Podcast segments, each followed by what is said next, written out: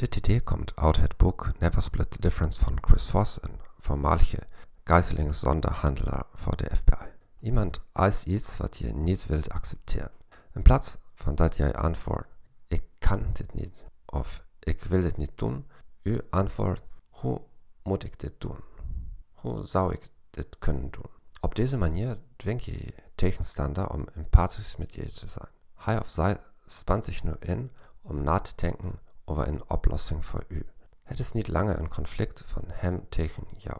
Deze vraag plaatst jullie allebei in hetzelfde schuitje. U kunt geparafraseerde versies van hoe moet ik dit doen herhalen tijdens het gesprek.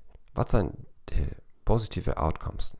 De andere persoon kan terugvallen, gefrustreerd omdat hij geen oplossing heeft gevonden, maar niet boos op je is. Misschien komt de ander wel met een acceptabele oplossing voor je. Voorbeeld, wie nodig je uit voor dit volkomen saaie sociale evenement?